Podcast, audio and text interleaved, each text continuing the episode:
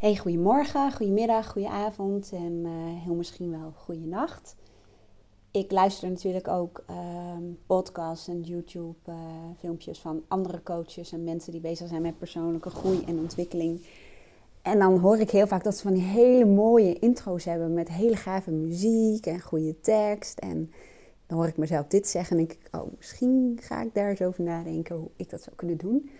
Maar tot nu toe uh, hou ik het even hierbij. En waar ik het vandaag met je over wil hebben is eigenlijk iets heel eenvoudigs, maar wel iets wat heel groot, een heel groot verschil kan maken. En dat is eigenlijk de taal die we gebruiken. Dus de taal die we gebruiken in relatie tot anderen, maar vooral ook in ons hoofd, dus in onze gedachten. En ik haal er even één voorbeeld uit die we heel veel gebruiken en die we ook vaak tegen elkaar zeggen, maar die voor heel veel problemen zorgen. En dat is namelijk het woordje loslaten. Een voorbeeld is ehm, aan tafel, dus als ik mensen coach, dan pak ik soms mijn pen. Die gooi ik in de lucht, niet heel erg hoog, maar ehm, ik gooi hem in de lucht en ik laat hem vallen. En dan zeg ik, dit is wat je brein kan bevatten. Dat je iets loslaat en dat het dan valt. Dat is letterlijk. Maar wat we vaak doen, is zeggen dat we iets moeten loslaten. Zoals als je kinderen bijvoorbeeld um, ja, tieners worden of pubers of het huis uitgaan zeggen ze vaak tegen moeders: Ach, je moet je kind een beetje loslaten. Hè? Dat zeiden ze ook tegen mij. Maar dat, dat, dat, ik, dat, nou ja, ik kreeg dat gewoon niet in mijn hoofd. Want je wil je kind helemaal niet loslaten. En toen ben ik na gaan denken over waarom lukt dat gewoon lastig? En waarom ja, roept dat eerder weerstand op dan dat het helpt? Je moet gewoon je kind loslaten. En toen viel bij mij het kwartje nou, eigenlijk is het geen kwartje meer. Hè? Dat, uh, dat, is natuurlijk helemaal niet waar, maar je snapt wat ik bedoel. Um, nu raak ik even afgeleid, omdat ik dan denk, ja, wat moet je dan wel zeggen? Doet er niet toe, je weet nog wat een kwartje is. Dus toen viel bij mij het kwartje. Toen dacht ik, ja, het is niet een kwestie van loslaten. Want ik ben heel veel bezig met het brein. En dan denk ik, wat is het dan wel? Als je iets loslaat, wat doe je dan eigenlijk? En toen dacht ik, ja, dat is het. Je geeft dus de ruimte aan, in dit geval, mijn dochter. Dus ik geef haar de ruimte om haar eigen ontwikkeling uh, nou ja, in te zetten. Of de ruimte om haar eigen oplossingen te bedenken. Of de ruimte om de wereld zelf te verkennen. En als je dat doet, dus als je merkt dat je de woorden, of het woord loslaten regelmatig gebruikt, of dat andere mensen dat tegen jou zeggen, ga dan eens denken: als ik dus iets loslaat, wat doe ik dan? wat komt er dan voor in de plaats? Dus stel, even een ander voorbeeld, dat mensen zeggen: Ja, jij maakt je altijd zo druk over wat anderen van jou denken. Dat moet je gewoon eens loslaten. Nou, denk dan maar eens naar als je loslaat wat anderen van jou denken, wat me overigens best ingewikkeld lijkt als je dat zomaar tegen iemand zegt en het klinkt heel leuk. Maar als je dus loslaat wat anderen van jou denken, wat doe je dan wel? En ga ook eens heel kritisch kijken: is het überhaupt realistisch om los te laten wat een ander van jou vindt? Zo zijn wij niet geprogrammeerd. We zijn als mens geprogrammeerd om te overleven in een gemeenschap en om een bepaalde rol daar te hebben, een plek. En om je daarin veilig te voelen. Dus het lijkt mij helemaal niet natuurlijk om te zeggen: je trekt je helemaal geen ene ruk meer aan van wat anderen van je vinden. Maar wat wel logischer is, hè, en dat is dan even een soort van tegenhanger van het loslaten van wat anderen van je vinden, is dat je meer koerst op je eigen mening. En ga dan ook weer verder door op wat is dat dan? Als je meer zou koersen op je eigen mening, hoe ziet dat eruit? Wat doe je dan? Welk gedrag hoort daarbij? En welke gedachten horen daarbij? En ehm, ja, ik gebruik soms de metafoor van de boom. En ik zat namelijk, uh, is misschien inmiddels al wat twee jaar geleden, zat ik op mijn kantoor en dan kijk ik uit op uh, een stukje bos, een randbos, zullen we maar zeggen. En het stormde heel hard, voor Nederlandse begrippen. En ik zat zo te kijken naar al die bomen en uh, er staat een stevige boom voor mijn huis, zeg maar. En toen dacht ik, hé, hey, dat is eigenlijk wel een mooie metafoor. Want een boom die goed geworteld is, laten we eventjes zeggen, die weet wie die is en nou ja, wat zijn plek hier is, die wordt wel geraakt door een storm of door hagel of door regen. En wat je dan een boom ziet doen, en die zwiept heen en weer, dus die wordt feitelijk wel geraakt door de eh, storm. Dus door bijvoorbeeld kritiek hè, of door tegenslag of wat dan ook. De boom beweegt mee gedurende de periode waarop de storm duurt. Dus uh, gedurende, de, ja, ik wilde dat simpel zeggen, maar het lukt even niet. Maar zolang de storm duurt, beweegt de boom. Maar als de storm gaat liggen, dan zie je dat de boom weer stabiliseert. En dan zie je soms dat um, er wel wat takjes zijn gebroken. Nou, laten we dat even beschouwen als je ego. Of dat je wel even, nou, dat het even pijn deed, of dat het je raakte, of dat je even, ja, je ego is eventjes heeft een krasje opgelopen. Maar daarna stabiliseer je weer je blijft staan waar je al stond, namelijk op jouw plek. En dat is bijvoorbeeld een beeld wat je voor je zou kunnen hebben, houden. Dat uh, stel, iemand heeft kritiek op jou. Of je interpreteert het als zijn kritiek. Dat is natuurlijk iets wat ik in een andere podcast wel uh, zal toelichten. Want dat is natuurlijk ook zo, dat je het op een bepaalde wijze interpreteert. Misschien is het helemaal geen kritiek. Maar maak jij dat ervan? Maar goed, even een ander onderwerp. Maar stel je krijgt in jouw ogen kritiek. Het zou in mijn ogen best heel onnatuurlijk zijn als dat je helemaal niet raakte. Maar hè, dus als je een tegenhanger zou hebben van het loslaten wat anderen van je vinden, zou je ook kunnen denken: oké, het is prima dat dat mij even raakt. ik luister ernaar, maar ik ben ook kritisch in wat zegt diegene eigenlijk? En wat zegt dat over mij? En wat zegt dat over de ander? En wat wil ik hier eigenlijk mee? En hoeverre dient het mij om me hier um, ja, heel intensief mee bezig te houden? En hoe zou ik me willen voelen? Waar heb ik behoefte aan? Door jezelf vragen te stellen. Door dus wel constructief bezig te gaan met nou ja, de kritiek of de feedback die je krijgt. Uh, maar je ook af te vragen of dat iets is wat je wilt ontvangen. Of waar je mee bezig wilt zijn. En um, dan zul je wel even geraakt worden. Maar stel even een voorbeeld van mezelf. Hè. Toen ik ging ondernemen, en ik had het eigenlijk al wel gehoord van heel veel mensen, heel veel ondernemers zeiden: verwacht heel veel kritiek vanuit je directe omgeving. En verwacht daarin weinig steun. En daar zal ik ook later een keertje een podcast over opnemen. En vaak is het ook zo dat de mensen om je heen hebben heel vaak een soort van kritiek. Of zou je dat nou wel doen? En is dat nou wel handig? En er zijn al zoveel coaches. En die hebben ook vaak een belang. En die willen feitelijk vaak jou beschermen of veilig houden. En dat heeft ook vaak te maken met hunzelf. Laat ik ook even achterwege. Maar er gebeurt vaak van alles met de mensen om je heen als jij een bepaalde beslissing neemt of uit een bepaald nou ja, systeem stapt, om het even zo te zeggen. Dus um, even, ik werd even afgeleid door mensen die hier uh, langs liepen. Um, kun je nagaan, volgens mij moet ik gewoon de gordijnen dicht doen als ik een podcast op ga nemen. Maar ik had het inderdaad over een voorbeeld van mezelf. Van toen ik in het begin, toen ik ging ondernemen, um, nou ja, dat ik best wel veel kritiek kreeg. En uh, dat ervaarde ik ook zo. En dat voelde best wel als um, lastig, als een soort afbreukrisico.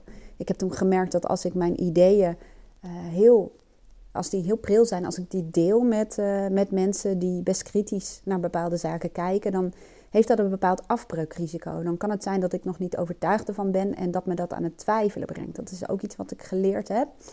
Um, nou, en dat was dus eigenlijk in het begin ook dat ik continu uh, mezelf afvroeg: met wie ga ik dit delen en met welk doel? Wat is mijn behoefte om dit met iemand te delen? En um, met welke persoon zou ik het beter kunnen delen? Omdat ik dan bijvoorbeeld op dat moment erachter kwam dat ik eigenlijk de behoefte had aan motivatie of steun of aanmoediging, dat soort zaken. Dus ik werd sowieso heel kritisch in met wie deel ik waar ik sta en wat mijn ideeën zijn.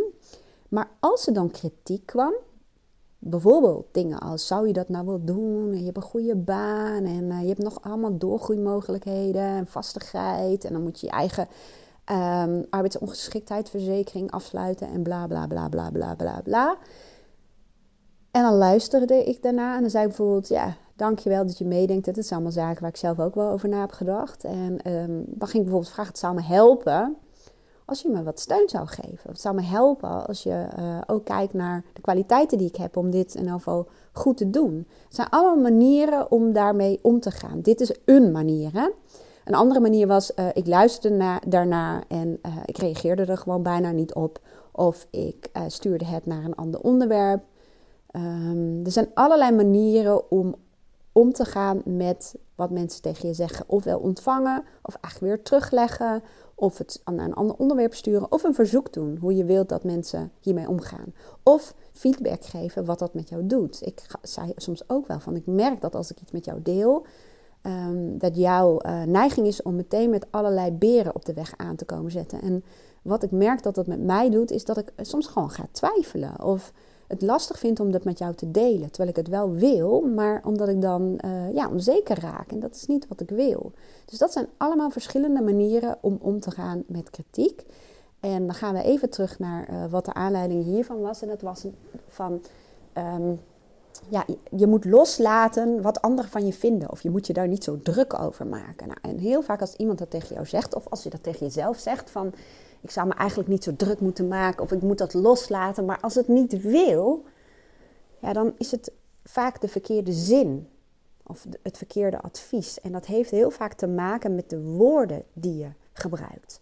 Nou, dan nog even iets anders. Um, want ik wil eigenlijk voor het eerst in mijn podcastcarrière een korte podcast opnemen, zullen we maar zeggen. Dat was mijn intentie.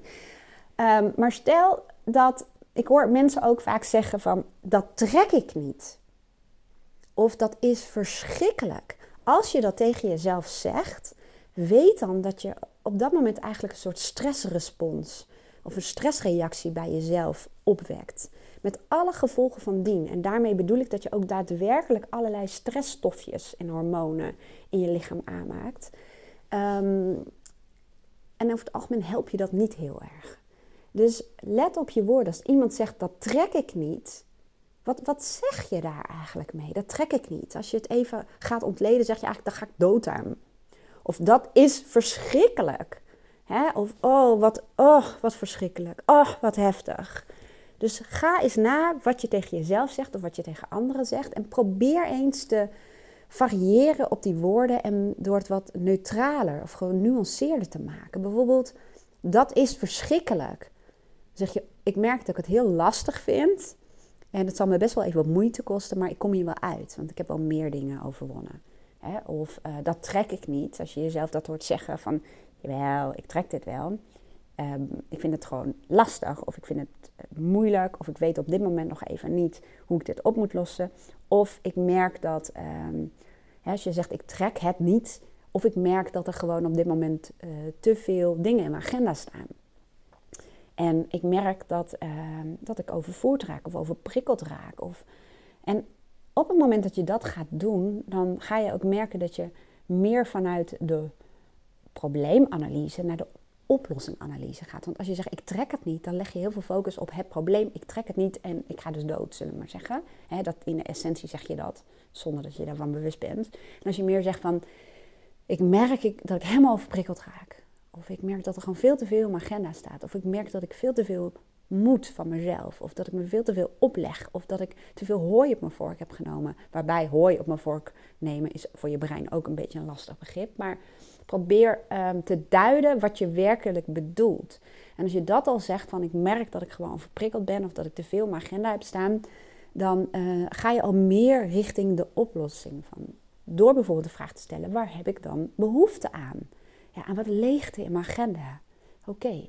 En als je dan doorgaat, hè, dat vergt ook een stukje bewustzijn van, zijn er misschien een aantal dingen die ik eruit kan halen of die ik anders kan organiseren? Of wat houdt me tegen om dat te doen? En dan kom je eigenlijk in het spoor van de oplossingen.